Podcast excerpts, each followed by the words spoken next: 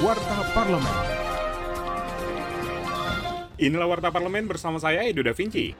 Anggota Komisi 7 DPR RI Mulyanto menilai ada keganjilan di balik perpanjangan kontrak listrik swasta Independent Power Producer atau IPP yang masa operasi pembangkitnya telah habis. Salah satu keganjilan terkait klausul take or pay atau TOP yang merupakan kewajiban PLN membeli minimal 70% produksi listrik swasta. Padahal saat ini menurutnya pasokan listrik secara nasional surplus lebih dari 30%.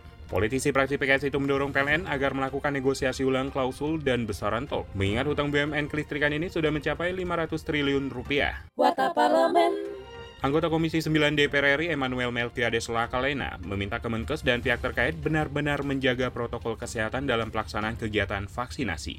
Membantu teman-teman di bawah ini yang juga meminta untuk segera divaksin ini kita punya pola yang lebih efektif efisien dan sekaligus juga memastikan ini Pak Menkes memastikan bahwa proses vaksinasi itu punya standar yang benar-benar sama. Mau dibuat oleh Kemenkes atau dinas atau perusahaan apa pun, tapi standar vaksinasinya itu betul-betul dibikin dengan pola yang sama. Karena banyak laporan yang terjadi justru kekhawatiran kami ini, PPKM kita kencangin, tapi justru ketika vaksin itu nampaknya vaksinasi yang dilakukan itu tidak memenuhi standar protokol kesehatan yang benar. Nah ini kita hindari dan itu bagaimana memastikan bagaimana polanya dan bagaimana protes ini berjalan mungkin butuh semacam panduan dari Kemenkes sehingga kita juga bisa memantau dan memastikan bahwa proses vaksinasi di bawah itu berjalan sesuai dengan protokol kesehatan yang benar.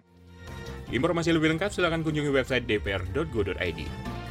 Anggota Komisi 11 DPR RI Ahmad Hafiz Tohir menghimbau pemerintah merevisi angka pertumbuhan ekonomi tahun 2021 yang dipatok sebesar 5%. Politisi fraksi PAN itu menilai proyeksi APBN 5% yang dipertahankan pemerintah seharusnya direvisi agar APBN tetap terjaga dari sisi transparansi dan akuntabilitasnya.